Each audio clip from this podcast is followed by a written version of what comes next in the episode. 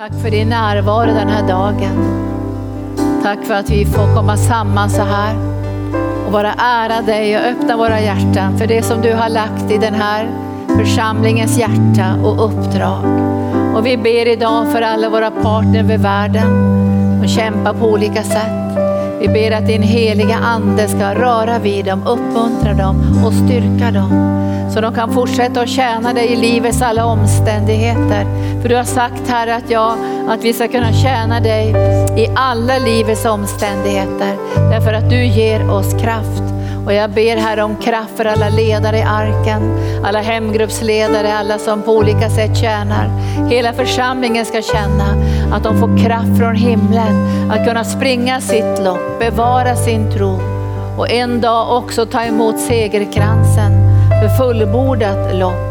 Och vi ber Herre att ekonomin ska vara så välsignad att allt som du har kallat oss till i arken ska kunna göras i överflöd.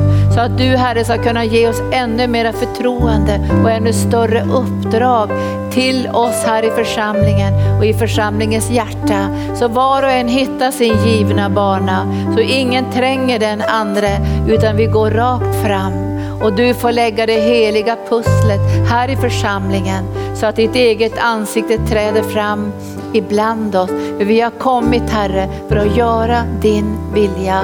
Kom med heliga Ande och uppmuntra oss och styrk oss under den här dagen. I Jesu namn.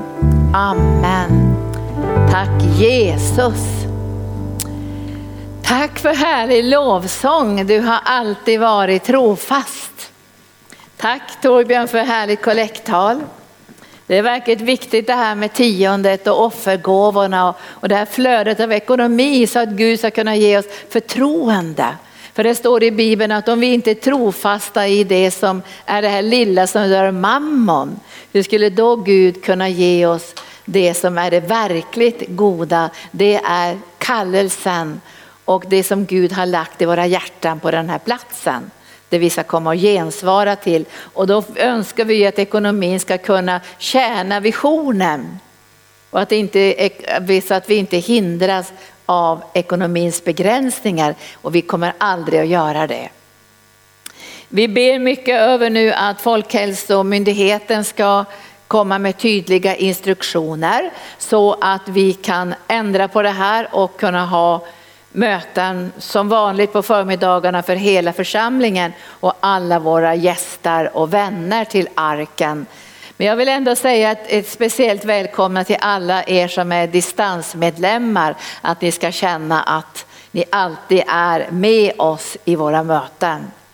Vi kommer att ge instruktioner då hur vi kommer att göra det här. Vi kommer att ta bort den här svarta jag ska säga, tyget här bakom. Det är därför som vi säljer ut Farm Collection nu och sen ska vi packa ner alla sommargrejer och det finns många bra grejer där.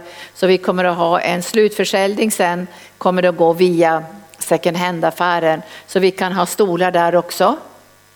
Så vi kommer att ha en ganska stor och öppen lokal.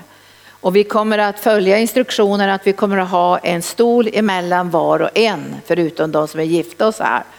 Men vi kommer att försöka ha en viss distans och vi önskar också att vi vakar över ska säga, kärleken till varandra så att inte man kommer till mötena och är förkyld och så här utan att man särskilt tänker på det om man arbetar i sjukvården också och kommer i kontakt med med coronaviruset så att vi har en omsorg om varandra så att vi också förhoppningsvis ska kunna få till det så att hela församlingen kan komma på förmiddagsmötet. Visst blir det bra det här? Vi har ju flera ingångar också in i lokalen så vi tror att vi kommer att kunna lösa det här på allra bästa sätt. För jag tror att mörkrets makter har försökt att skingra församlingarna utöver världen så att man får dåliga vanor. Så man får ingen ordning i sitt gudstjänstliv och man får ingen ordning i sitt böneliv på det individuella planet. Om man börjar nöja sig med att bli en åskådare som du sa Torbjörn, att man sitter hemma och tittar lite då och då. Utan Guds församling är fysisk. Alltså vi syns, vi är Kristi kropp.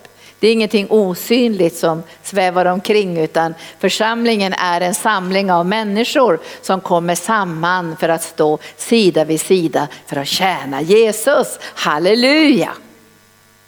Nu håller vi på att organisera och planera och få till en ordning för all evangelisation och all uppföljning. Och vi jobbar med det här flera dagar i veckan faktiskt.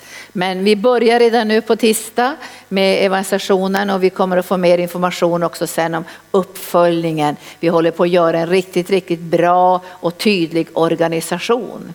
Och nu den här dagen så har jag känt att Herren har manat mig att tala om gudomlig ordning. Det är så vackert ord, gudomlig ordning. Och att jag, han liksom sa så här, jag önskar att församlingen ska känna en glädje över gudomlig ordning. Att det är någonting gott. Du vet många människor är rädda för gudomlig ordning därför att de är rädda för kontroll. Och kontroll och gudomlig ordning är två helt skilda saker. Därför kontroll kommer att skapa fruktan och det kommer att skapa, skapa fångenskap. Bara tänk på det då. Kontroll kommer att skapa fruktan och kontroll skapar fångenskap. Och det vill vi ju inte ha i församlingen, eller hur? Vi vill inte ha kontroll och vi vill inte ha fångenskap. Och då tänker jag, men då kan vi bara ha total, inga ordningar alls. Men vi ska tala om det här idag, att det finns gudomlig ordning som kommer från himlen.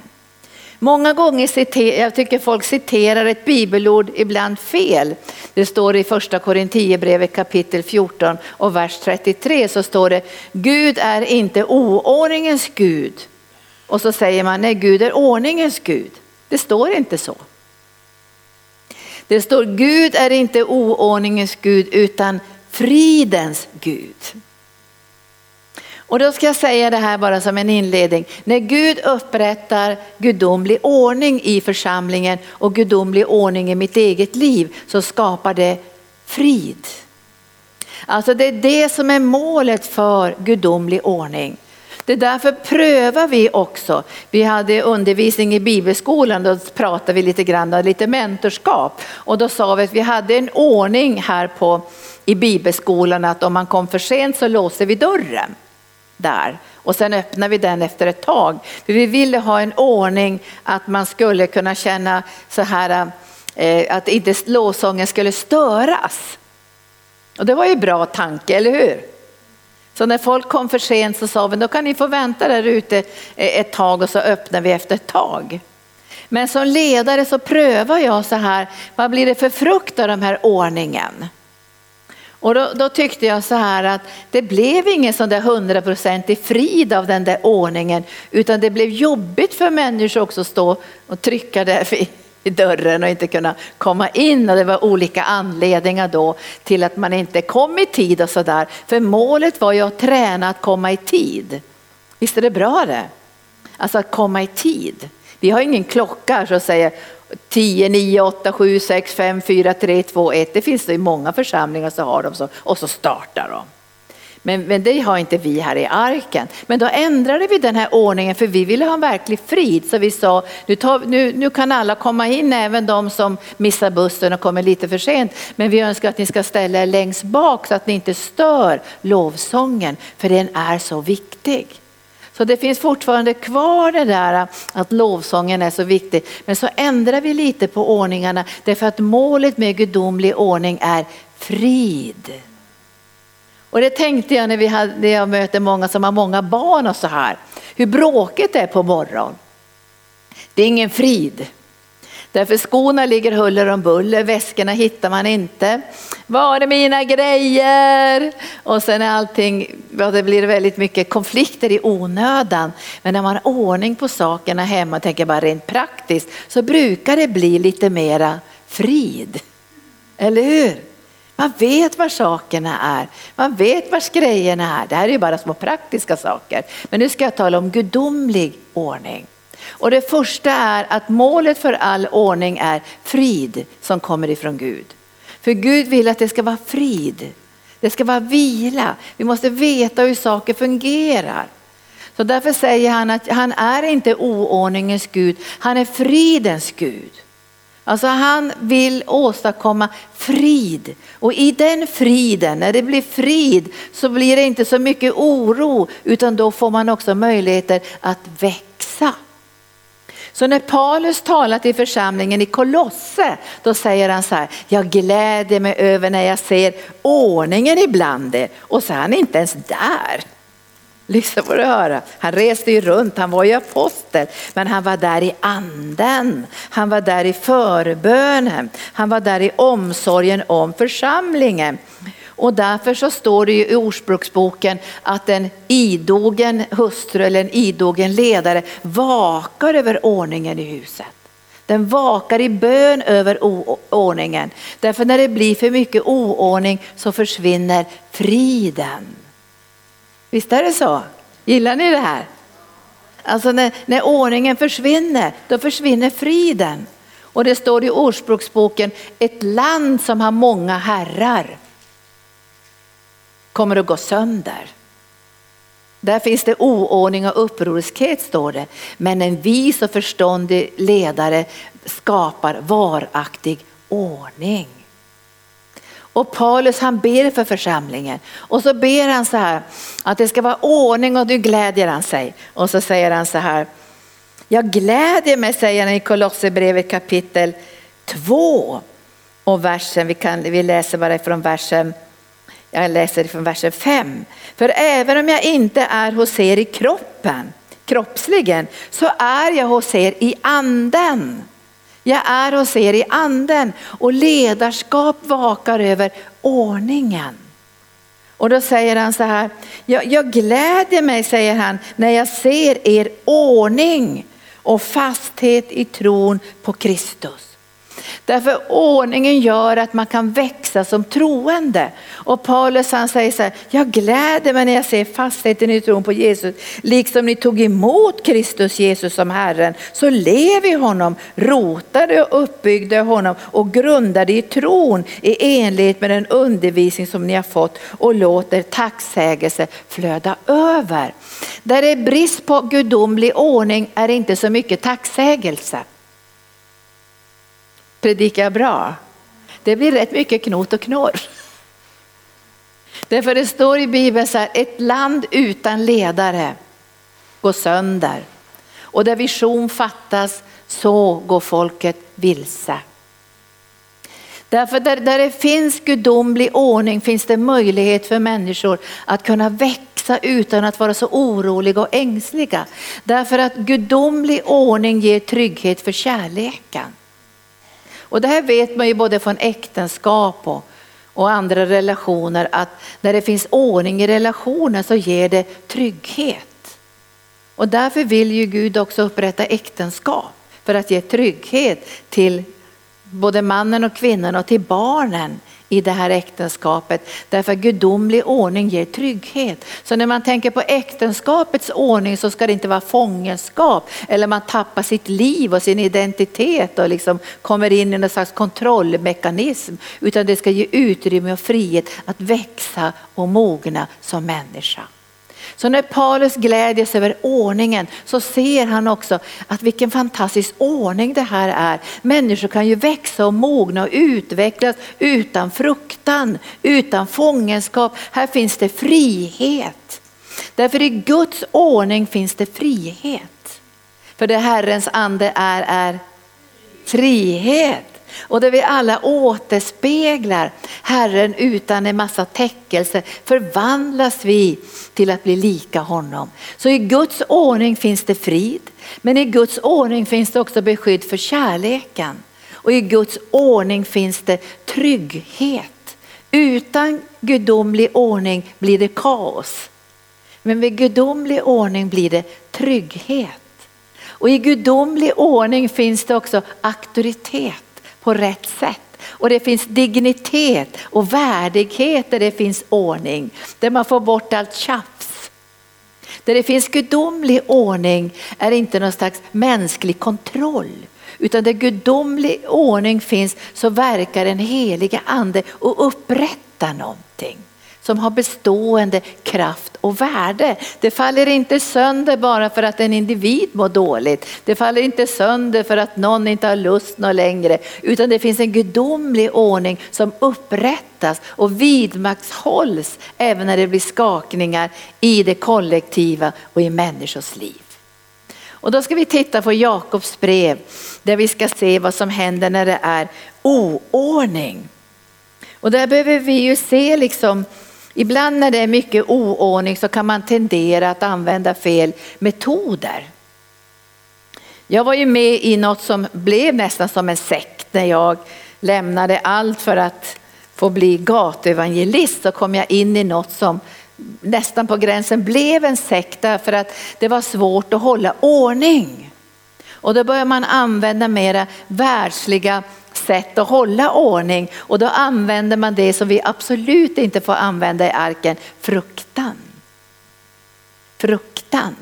Därför eh, vi var ju, jag tror vi var kanske 200 unga människor som lämnade allt för att åka ut i Europa och vinna världen. Och vi jobbade på gatorna, vi jobbade bland prostituerade, vi var ute sju eller åtta timmar varje dag och evangeliserade på gatorna. Och det gick ju inte att hålla riktig ordning för det var ganska unga människor. Och då började, de här ledarna tänka, nu måste vi få varaktig ordning här. Och då tar vi lite hot. Det blir bra. Så då använde de Guds ord för att hota lite grann så sa de så här, om ni inte lyder oss så vi kan inte få ordning på det här stället för vi bodde ju i tält flera hundra. Så sa de så här, då kommer marken att öppna sig som för Koras söner och ni kommer att falla ner i ett svart hål.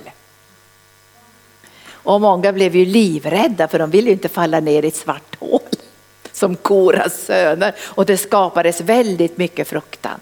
När Guds ordningar upprättas så skapar det frid.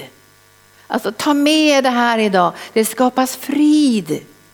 Och när de här ledarna sa så här, det vart ju ingen bra ordning ändå för att då började folk att få jättemycket fruktan och det skapas ju en väldigt dålig atmosfär när man får fruktan. Men då sa de så här istället, ni behöver inte fråga eh, Gud själva om ledning i era liv, utan vi frågar Gud för er. Så lyder ni bara oss, så säger vi exakt hur ni ska göra så lyder ni oss. Och jag, jag kände så här, jag var alldeles nyfrälst, nja, det där är nog inte bibel, bibelförankrat. Det där är inte Gud, så det skapas inte gudomlig ordning. Och jag, jag var ju alldeles nyfrälst jag frågade Gud så här, ge mig ett ord, ge mig ett ord, ge mig ett ord. Så sa han så här, låt ingen ta din krona.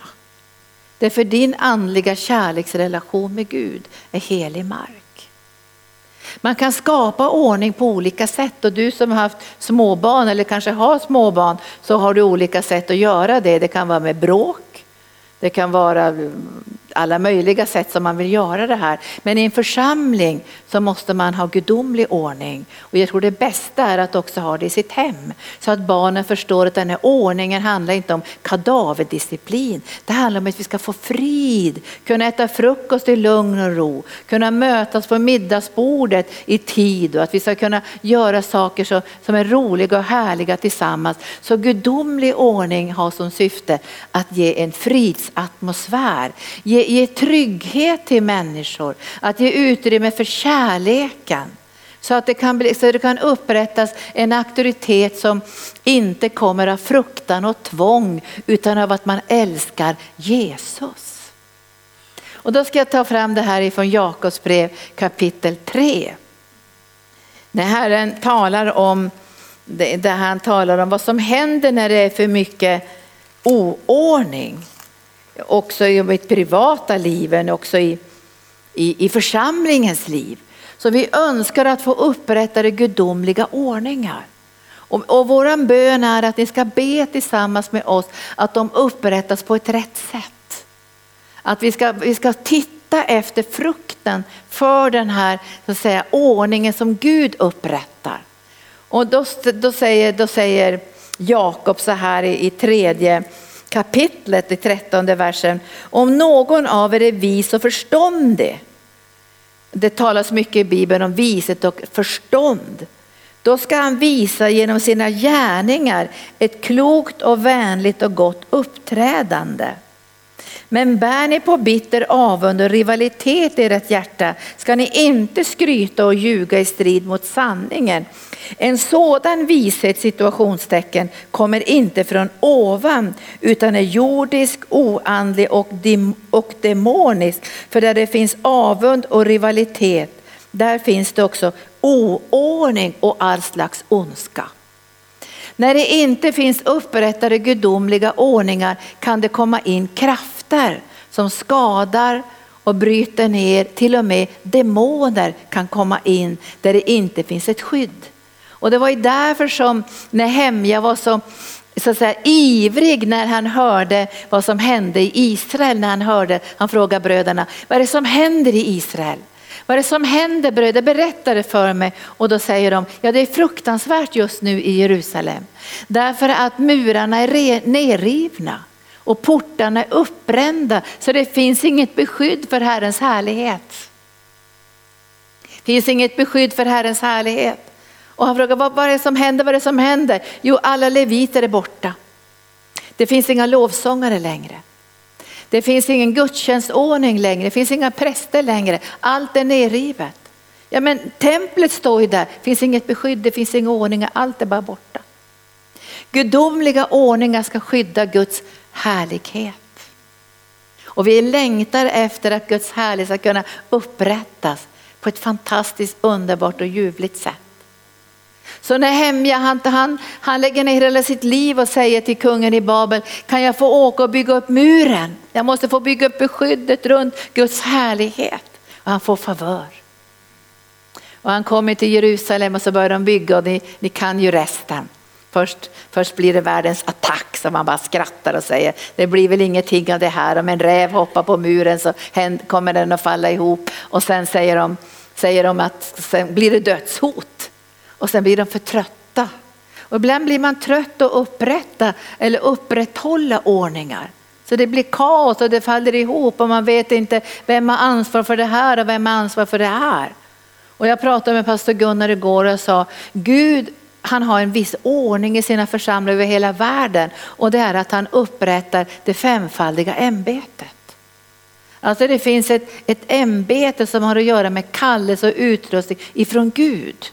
Och ni vet ju det femfaldiga ämbetet som ska vara med och skapa de gudomliga ordningarna. Och där har du ju aposteln, du har ju läraren och du har ju herdarna och du har ju, du har ju profeterna och evangelisterna som ska upprätta ordningar. Och när det femfaldiga ämbetet kommer i tjänst eller i funktion så är inte det mina kompisar som jag vill ge ledarskap eller min familj som jag ger ledarskap eller min närmaste krets som får komma till ledarskap. Det är inte gudomliga ordningar. Gudomliga ordningar upprättas av Gud. Där det finns kallelse och utrustning. Jag kan inte säga att mina barn ska ärva ledarskap. Det blir ju en sekt av alltsammans, eller hur? Det måste ju vara gudomliga ordningar där människor blir smorda av Gud. Där man inte tänker, ja men min bästa kompis ska få det här och, och den här ska få det här. Det är därför det behövs gudomliga ordningar så att man känner igen det som Gud har smort och avskilt. Och utan gudomliga ordningar blir det High Chaparral, fast vad, nu, vad det nu betyder. Det blir, vi skjuter vilt, det blir vad som helst. Den som pratar högst och den som är mest frän och den som har gått på retorikkurs och den som har bäst kontakt med pastorn. Sånt vill inte vi ha. Vi vill ha gudomliga ordningar så det blir en frid och en kärlek och en trygghet så att Herrens ande kan verka på människor. Så att vi ser när människor växer och utvecklas och tar ansvar på olika sätt i Guds församling. Där det finns oordning finns det, och det kan vi ju titta efter, om det finns oordning så finns det falsk visdom. Det, finns, det kommer bara från jorden, det blir bara idéer från människor. Det är oandligt, det kan till och med komma in krafter, det finns rivalitet och sådana saker så står det all slags ondska. Och därför är det så otroligt viktigt att vi ber nu i den här yttersta tiden att vi får gudomliga ordningar. Därför att den här församlingen ska växa. Den här församlingen ska växa. Och utan gudomliga ordningar kommer vi att fara illa. Och jag vet ju att många har blivit så rädda för ordningar. De känner fort de hör ordet ordning får de panik för att tänker nu ska det bli kontroll. Nu ska jag bli bara kontrollerad. Men kontroll är från djävulen. Därför kontroll har tagit bort frivilligheten. Kontroll för in oss i fångenskap och i fruktan. Men Guds ordning kommer att göra att vi känner, det var lätt att andas. Så när man har en hemgrupp till exempel så är det väldigt bra att man har en viss ordning. Så inte vem som helst kommer in och tar över och gör vad som helst och den som ska vara ledare vet varken ut eller in. Så det finns en ordning kan också vara att man sätter upp vissa trygga ramar för hur man ska förhålla sig till varandra. Pastor Gunnar och jag, vi har ju här i arken, vi allihopa, biblisk jämställdhet, eller hur? Vi tror ju på biblisk jämställdhet, vi står sida vid sida. Och jag har rätt att höra ifrån Gud och pastor Gunnar har rätt att höra ifrån Gud. Vi ska höra ifrån Gud. Men om jag kommer till pastor Gunnar och säger, och Gud har talat jag ska flytta till Filippinerna nu tre månader och så ska jag vara med och bygga upp de här sakerna där och Gud har talat tre månader ska jag vara borta från arken. Då säger ju inte jag så här till pastor Gunnar, Gud har talat. Jag skulle säga, jag, jag har känt det här att jag skulle vilja faktiskt vara lite längre tid i Filippinerna. Att Gud manar på insidan. Men det här behöver vi prata om. Hur kommer det att påverka församlingens arbete? Hur kommer det att påverka bibelskolan? Hur kommer det att påverka de olika funktionerna? Förstår ni?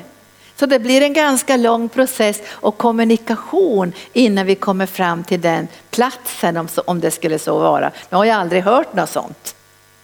Men det blir en kommunikation som gör att stegen vi tar kan, kan in, så att säga, inlämnas i Guds ordning så det fortsätter att vara frid. För tänk om jag bara säger, hört från Gud, jag ska vara borta tre månader och de som ska jobba med min sida tänker, vad ska, ska, ska hon bara dumpa allt på oss? Vad kommer att hända nu? Hur ska det bli med det här och det här och det här? Så om jag inte går in i gudomliga ordningar så kommer det att skapas ofrid och rädsla, osäkerhet. Men Guds ordningar, om vi får dem upprättade av Gud, så kommer vi få en bestående frid. Och nu kommer den här underbara så att säga, frukterna från gudomlig ordning. Halleluja, jag tycker det är så vackert det här. Nu läser jag från 17 versen. Men visheten från ovan är först och främst ren. Den kommer sen att vara fredlig, alltså fylld med frid. Den kommer att vara mild och fullsam, full av barmhärtighet och goda frukter, opartisk och uppriktig. Rättfärdighetens frukt sås i frid och ges åt dem som skapar frid. Gudomlig ordning är nödvändigt när vi växer, men Gud måste få upprätta de här ordningarna. Och vi behöver ordningen på varenda område, ordning i församlingslivet, vi behöver ordning när det gäller hemgrupperna, uppföljning av nyfrälsta, alltså ordning för alla parter på missionsfältet. Där det finns oordning kommer mörker in och börjar stjäla och härja och förstöra och bryta ner. Och därför är min bön från mitt hjärta, älska gudomlig ordning. Känns det vara underbart när det är ordning. På allting, ordning i ekonomin, min egen ekonomi, församlingens ekonomi, relationer, ledarskap, ansvarstagande. Att det finns en ordning, en grundordning först och sen finns det ordningar som är upprättade av Gud för att ge oss trygghet så all osäkerhet och fruktan försvinner så vi kan växa och utvecklas och mogna. Man kan se att apostlarna hade en väldig ordning. Och jag tänkte på det i morse, att de hade en ordning också för att kunna avskilja sina liv till ordet och bönen. Nu är ju vi arbetande ledare i arken. Vi, vi, vi, har alltid trott på att man ska vara arbetande ledare. Man ska vara engagerad i hela arbetet för att kunna ha talan också in i församlingen och in i församlingens hjärta. Men apostlarna de vet att de måste avskilja tid för ordet och bönen. Och när det blir konflikt i församlingen, alltså det blir en allvarlig konflikt i församlingen, En konflikt som kanske till och med skulle kunna skapa så att säga, konflikt mellan judar och greker. Det ser först ut som det var bara en liten konflikt mellan olika änkor. Men det är en allvarlig och djup konflikt som är på gång. Och då, säger, då kommer de och säger till apostlarna, det är en allvarlig konflikt mellan två olika grupperingar i församlingen. Den judiska grupperingen och den grekiska grupperingen och vi måste hitta en lösning. Och då säger apostlarna så här, vi kan inte gå in i vilken, alla konflikter. Vi kan inte springa in i alla konflikter utan vi måste delegera det här. Och Guds ordningar som man har i församlingen vet man vem man har delegerat till och hur man delegerar och vilka som får bära delegerad auktoritet. Låter det konstigt eller låter det bra? Det är inte vem som helst. Och därför säger apostlarna så här, nu ska ni välja ut ibland er sju personer och de ska ha ett gott anseende, de ska ha mycket visdom och vara fyllda med den helige ande. De ska ha visdom och vara fyllda med den helige ande och de ska ni föra till oss och så ska vi lägga händerna på dem och så ska vi delegera en smörjelse till dem så att de kan gå till de här konflikthärden och komma med bra lösningar. Och då gör de det.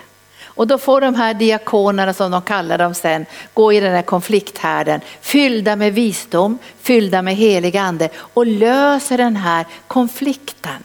Och då tänkte jag så här, tänk om vem som helst hade sprungit ner där och tänt nya brasor. Vad säger ni? Det hade kunnat bli fullständigt kaos. Men det fanns en gudomlig ordning. Hur löser vi det här? Hur går vi tillväga? Det är gudomliga ordningar som upprättas genom den heliga ande som inte ger utrymme till kontroll, fruktan, manipulation och fångenskap. Och det kan vara flera av er här idag som har varit inne i sådana här situationer där man känner fruktan. Jag hörde en kvinna som sa, hon är mycket äldre nu idag, hon gifte sig aldrig. Så sa hon så här, jag ville inte gifta mig därför att jag ville inte komma in under kontroll i äktenskapet. Då skulle jag inte kunna få fortsätta min kallelse och de gåvor som Gud hade lagt i mitt liv, då hade jag förlorat allt. Och jag tänkte vad fruktansvärt. Ska man förlora allt för att man gifter sig? Det är väl då som man blir ännu rikare.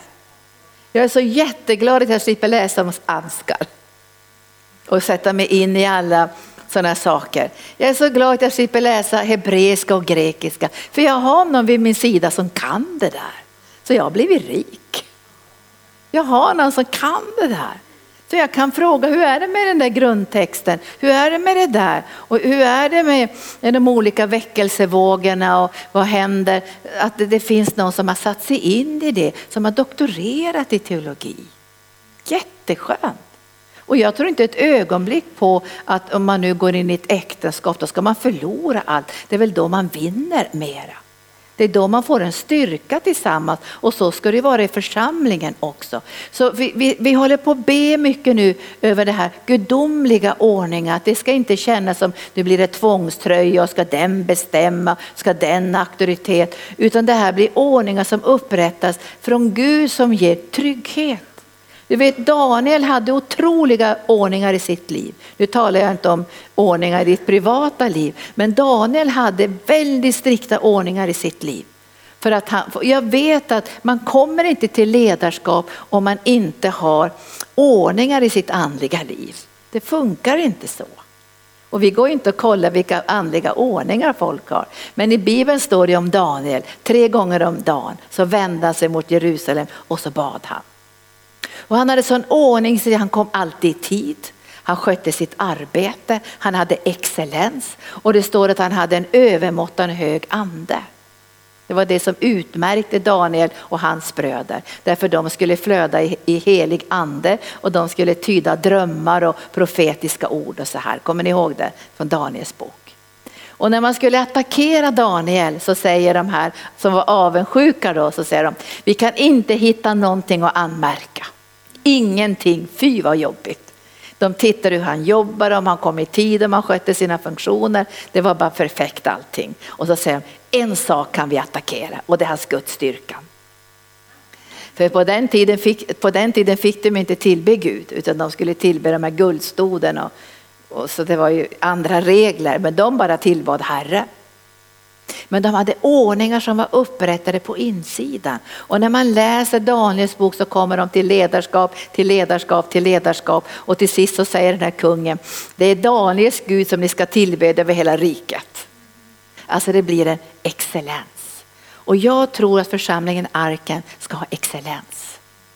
Alltså det ska vara sån excellens, sån dignitet, sån härlighet och därför behöver vi upprätta de här ordningarna och, och sätta tro till Gud att den helige ande upprättar det här på avdelning efter avdelning på varenda område i arken så det ska skapa den här atmosfären där det går lätt att andas. Där man, där man vet hur, hur fungerar det här och hur, hur, ser det här ut och så skapas det en sån ljuvlig atmosfär att man kan växa och utvecklas utan rivalitet och utan avund. Det är väl bra va? Tack Jesus. Så då ska vi ta det, sista, det, det här bibelstället, det, det sista bibelstället för den här dagen. Om hur de här ordningarna upprättades efter väckelsen. Det blev en otrolig väckelse på pingstdagen. Det blev över 3000 människor frälsta. Är ni med på det? Skulle vi klara det i arken? Det är därför vi ska få ordningar med uppföljningen. Alltså hur följer vi upp nyfrälsta? Det kan inte bara vara High Chaparral över det. Vi skjuter från höften. Vi får se hur det blir. Alltså det funkar inte riktigt så. När jag var med i den här evangelisationsgruppen så var vi ovän med nästan alla kyrkor. Vi var ju som gräshoppor, vi kom ju flera hundra där och härjade och för ut evangelium med de här små byarna. Så det var ju ganska många som blev lite trängda att vi var där. Men jag tänkte när jag var där så tänkte jag så här, föder vi barn och släpper dem bara på gatan? Alltså det fanns ingen uppföljning. Det fanns ingen ordning kring uppföljningen. Och därför har man också handledning för att kunna följa upp och se, funkar det här? Den här ordningen vi ska ha för evangelisationen, är det frid över den eller blir vi ovänner? Alltså vi måste titta efter vad, vad, vad, finns det för, vad blir det av det här? För målet är frid och trygghet och kärlek och dignitet och gudomlig auktoritet. Och därför när väckelsen kom och 3000 personer blev frälsta, då finns det en ordning på en gång. På en gång upprättas en ordning. Och det står i 2 och 42. Det här är alltså en grundordning för att församlingen ska vara sund, församlingen ska kunna växa, församlingen ska kunna utvecklas och församlingen ska känna igen ledarskap. För pastor Gunnar och jag och våra ledare här i arken, vi har inte nepotismen. Och nepotismen betyder att man ger fördelar till sina kompisar och till sin familj. Det gör inte vi. Utan vi vill se hur utvecklas människor i arken? Hur kan man se att de kommer till ledarskap? Hur kan man se smörjelse över deras liv? Och det här måste kännas igen i församlingen. Du vet ju, Paulus fick ju en kallelse, eller hur? Kraftfull kallelse att vara apostel. Men den kallelsen var tvungen att bli erkänd i församlingen. Och, och, Paulus var ju i Antiochia tillsammans med lärare, med profeter, med andra apostlar och de bad och fastade. Och medan de hade gemenskap i den heliga ande, då kunde Herren börja tala och säga avskilj åt mig, säger den heliga ande, Paulus och Barnabas för det som jag har kallat dem att göra. Och det kändes igen i församlingen. Utan gudomliga ordningar känns det inte igen och människor kan ta sig ledarskap som inte ska vara i ledarskap. Och därför är de gudomliga ordningarna som fastställs här så viktiga för att ge trygghet också för människor. Är det här delegerad auktoritet? Eller har den här personen bara tagit sig någonting? Och då står det här, nu läser jag från 2 och 42. De höll troget fast vid apostlarnas undervisning. Det var punkt nummer ett. Apostlarnas undervisning då ska jag säga så här, den apostoliska undervisningen, den bibelförankrade undervisningen, vi håller fast vid den. Inte till vad som helst, inte till människomeningar. Så här i församlingen säger vi att vi tror på Guds ord. Och vi har inte traditioner vid sidan om. Eller mormons bok eller Jehovas vittnesskrifter eller något sånt där. Utan vi har Guds ord som vårt fundament. Apostlarnas undervisning. Att vi håller oss till apostolisk undervisning med Jesus i centrum, med kärlek till ordet, försoningens verklighet och den heliga andes kraft ibland. Alltså vi har apostolisk undervisning och vi är överens om det, slipper vi villolära. Vill ni ha en villolära i arkan? Jag skojade med medarbetarna och sa om jag skulle komma och säga till er så här att jag Linda Bergling är Kristi brud. Då skojade jag med dem och sa då får ni, då får ni bära ut mig och lägga mig i en sopcontainer. Så får jag ligga där och göra bättring. Men apostolisk undervisning betyder, vi får skratta åt det här, det var sorgset allt, jag ska det är så sorgset att man kan börja gråta. Men för punkt nummer ett, apostolisk undervisning. Att vi håller oss till bibelordet och vi prövar med bibelordet. Vi prövar, står det skrivet det här? Är det här en villolära som djävulen lyfter upp ett speciellt bibelord och vränger det? Då är vi trygga när vi håller oss till apostolisk undervisning. Så vi sitter inte i en liten grupp i Tjotahejti någonstans och sitter och mal över något bibelställe. Utan det prövas i församlingen. Predikar jag bra? Trygghet. Det prövas i församlingen. Och kommer det in villolärare, det gör det ju mycket via nätet och så här, så kan vi pröva det i församlingen. Därför att det är punkt nummer ett för att vi ska få sundhet, det är apostolisk undervisning, apostlarnas undervisning. Och kommer det då någon villolärare, ja men då prövar vi det. Kan det vara i linje med Guds ord?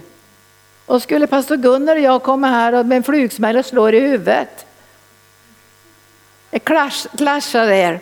Då får lägga oss i sopcontainern då ett tag får vi göra bättring. Men vi prövar ju det här. Ibland kommer det överdrifter, ibland kommer det betoningar i läran som inte är sund. Vi ska pröva det. Apostolisk undervisning, gudomliga ordningar. Hur går det till att pröva? Visst är det härligt det? Vi prövar det. Och sen kommer, som kommer punkt nummer två i det här, de här ordningarna som upprättades. Det står så här att de höll fast vid gemenskapen. Gemenskapen. Jag hörde en, en, en, person som sa för många år sedan så här, jag är med i den osynliga församlingen. Var det den sa jag? Det var bara, det var bara överandlighet. Därför gemenskapen är synlig. Det är därför vi har möten så här, därför att gemenskapen, Gud måste ju sammanfoga oss genom den heliga ande. Och utan den andliga gemenskapen, och då säger Johannes säger i ett av sina brev så här, om ni vill ha gemenskap med oss så har vi gemenskap med Fadern och den heliga ande. Alltså ni kan inte bara vilja ha gemenskap utan att vilja ha den andliga gemenskapen. Visst är det viktigt det? Jag umgås ju inte med människor som hatar det vi gör eller talar illa om det vi gör. Här i arken, de umgås inte jag med. Utan jag ser ju på dem att jag kanske kan vittna för dem och välsigna dem. Men det är ju inte mina vänner som jag umgås med som föraktar det som är mitt hjärtas överlåtelse och mitt liv. Eller vad säger ni? Så man måste säga gemenskapen måste ju vara andlig där man kan komma samman i trygghet och vi är överens om att vi får väg åt samma håll och vi har visionen levande i våra hjärtan. Visst är det så?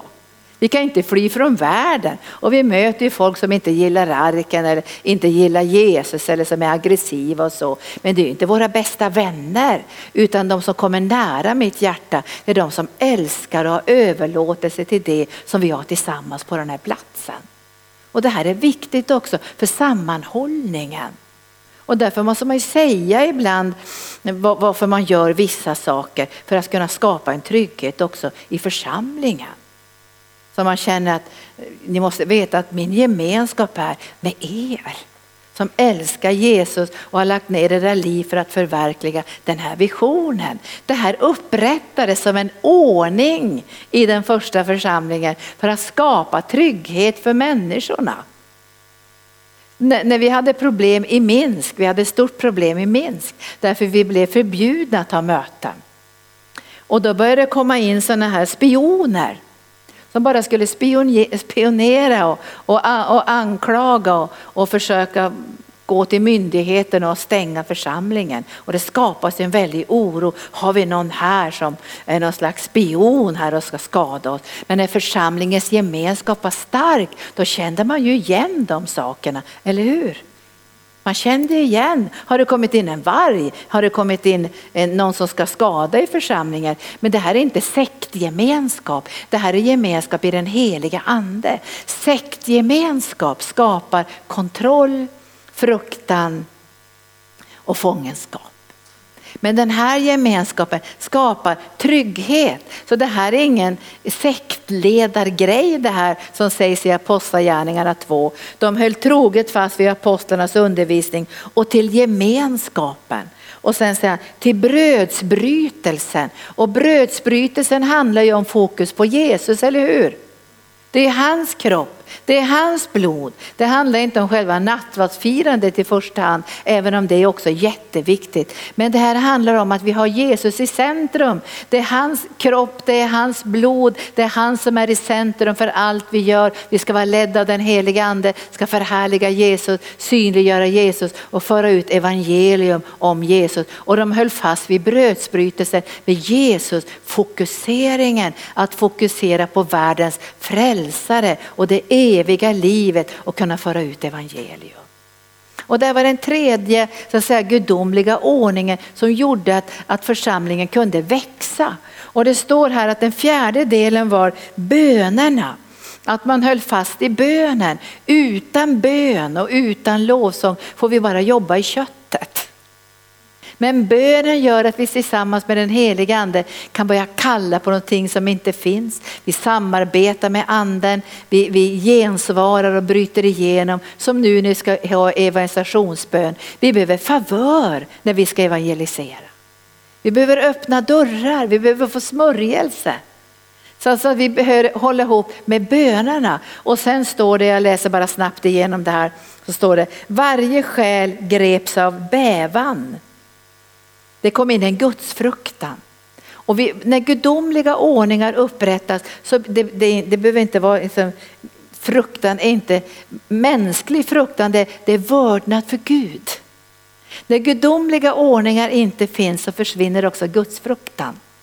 Alltså det, det, att vi är på helig plats, att Guds ande är här och vi pratar inte under lovsången och vi, vi förhåller oss till det här på, på att nu, Gud kommer att uppenbara sig idag. Det blev en bävan och så står det, många under och tecken gjordes genom apostlarna.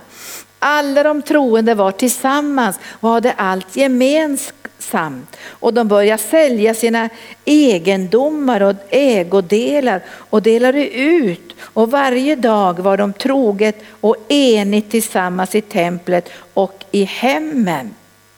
Och sen står det så här. Och Herren ökade församlingen dag efter dag. Så Herren ökade var dag skaran med dem som lät sig frälsas. Varje dag ökade skaran. Det finns gudomliga ordningar som Herren behöver upprätta ibland oss och vi behöver välkomna de ordningarna. Och en ordning som Jesus var väldigt tydlig med så säger han att man ska inte komma in genom fönstret, man måste komma in genom dörren. För den som kommer in genom fönstret han är en tjuv och en rövare. Den kommer in en annan väg.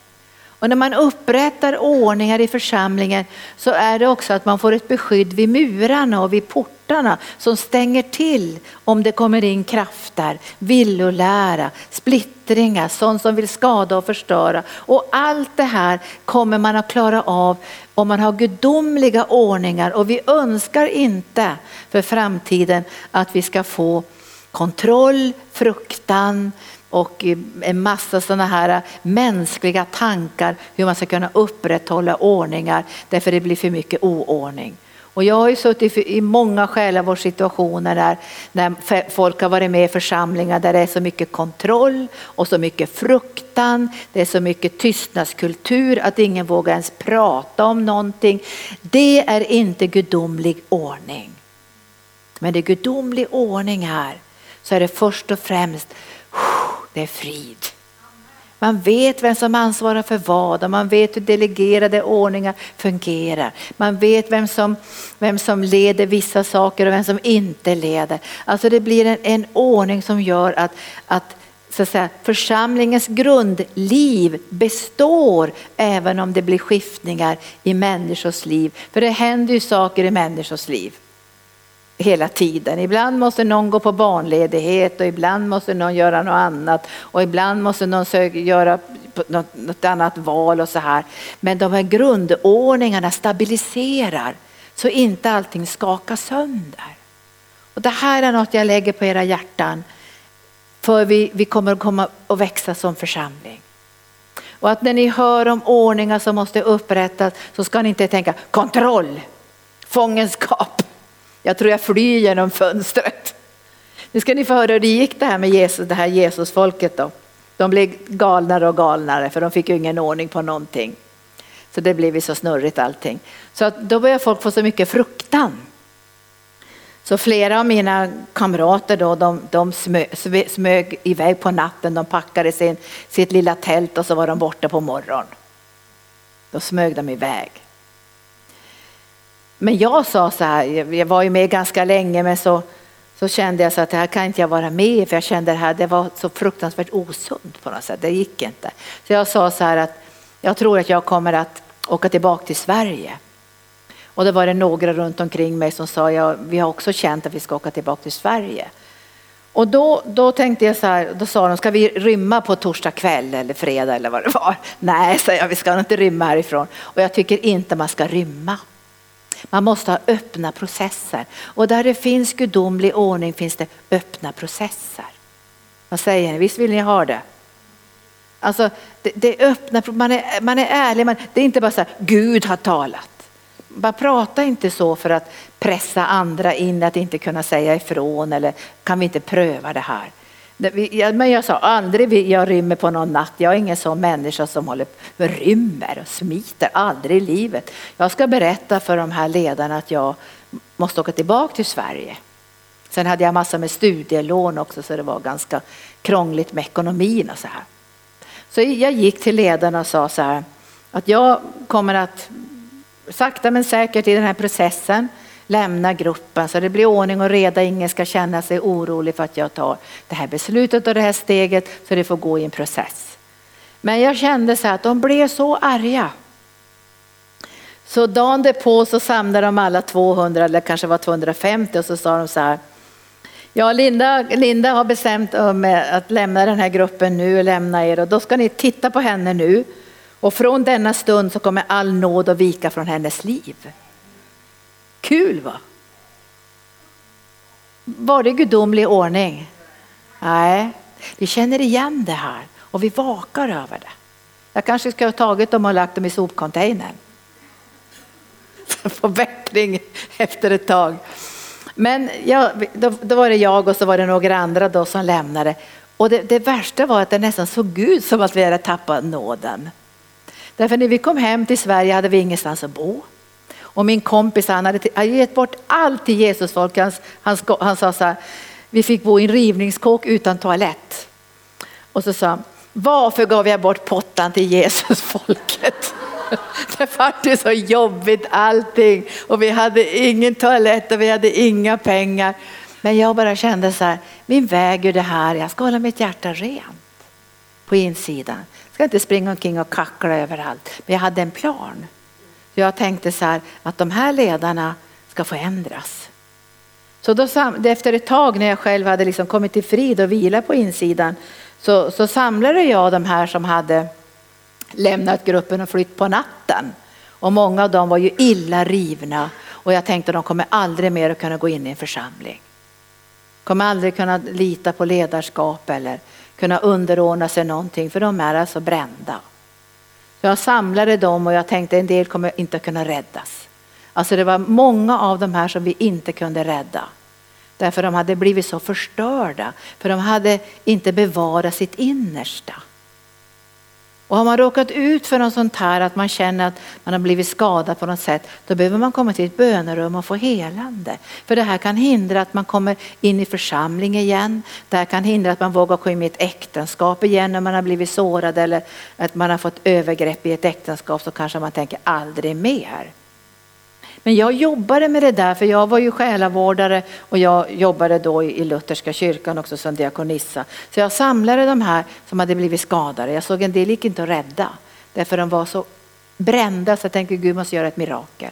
Men många kunde vi rädda. Så Håll ditt hjärta rent, du är på helig mark, du kan höra ifrån Gud och Gud kommer att hela dig från de här minnen och allt vad det var. Men sen hade jag ytterligare en plan så tänkte jag jag ska få tag på ledarna. Och då, eh, eh, sen hörde jag rykten att de här ledarna hade gått över styr totalt och börjat ha sex med unga flickor. För det gick över styr. Så att många gånger de här krafterna kommer in så blir det orenhet. Sexuell orenhet, det blir orenhet på ekonomiska områden, det blir orenhet på alla möjliga områden. Så är ju Jakob 3. Men jag känner, nej det här är inte bra. De här ledarna, vi måste träffa de här ledarna. Så när Gud hade rest upp mig då, vi hade fått en toalett i en ny rivningskåk eller vad det var på något Jesushus. Så, så, så bad jag att få träffa ledarna. Och de kom till Sverige, för en del ledare bodde ju också i Sverige. Så berättade jag för dem att det här hade gått riktigt överstyr och många var skadade och sårade och, och så här. Och då, då ordnade vi en samling. Och de här ledarna då som hade gjort bättring, de hade slutat med det sexuella och allt det här, men det finns kvar fortfarande. Jag hittar dem ibland på Facebook, de finns kvar. Så då måste jag ha gjort bättring ordentligt. Och då, då, blev det så här att eh, det var, i och med att det hade gått sönder på så många olika sätt så fanns det också en, en process av förlåtelse. Och, så jag var med i den här upprättelseprocessen och jag såg ju att många hade blivit skadade och många hade också på grund av sina erfarenheter som de hade i det förflutna inte klarat av längre att komma in i ett andligt sammanhang. De ville bara sitta på läktaren och titta och vara åskådare. För de tänkte nej jag vågar inte komma in i någonting igen för då kommer jag bli kontrollerad och, och skadad. Jag behöll mitt hjärta rent. Och jag tyckte, jag tyckte inte jag behövde så mycket förlåtelse eller att, att så att säga jag var inte så skadad så jag behövde inte så mycket helande heller för jag trodde på Guds nåd. Den fanns över mitt liv för jag kunde i Bibeln då lite bättre. Men nu säger jag till er idag så här att om ni har varit med om saker, det har hänt saker och ni känner att ni börjar bli rädda för att vi ska upprätta gudomliga ordningar för väckelsen och framtiden så behöver man ta emot helande. Det kan vara på alla möjliga områden som man har känt att det kan vara en, vanlig, en nära relation i församlingen där det har varit manipulation och styrning och så. Men det vi, det vi ska tänka på nu som en, som en sista del i den här undervisningen idag, det är att gudomlig ordning först och främst är frid. Gud är inte oordningens Gud, han är fridens Gud. Och när vi så att säga, utvärderar och tittar, skapas det frid? Vad blir det för frukter av det här? Blir det längtan efter renhet? Blir det godhet? Blir det sanning? Eller får vi konflikter och rivalitet och människomeningar? För det är gudomlig ordning upprättas kommer Gud ha möjlighet att låta församlingen växa dag efter dag. Och jag tror på det här. Och jag har pratat med dem som nu ska jobba med evangelisationen, kanske också mer i ledarskap, att vi tror på församlingstillväxt. Vi tror på att församlingen ska växa dag efter dag. Vi tror på favör i evangelisationen, vi tror på favör i olika så att säga, mötesplatser med människor. På våra arbetsplatser ska det vara favör. Favör, favör, favör. Och då se, se bara här till sist, trygghet, skydd för kärleken. Och det ska vara frid ibland oss, det ska bli auktoritet och dignitet, en övermåttan hög ande. Det ska ge oss och till sist här, som jag ber till Gud varje dag, vi ska få ännu mer förtroende från himlen.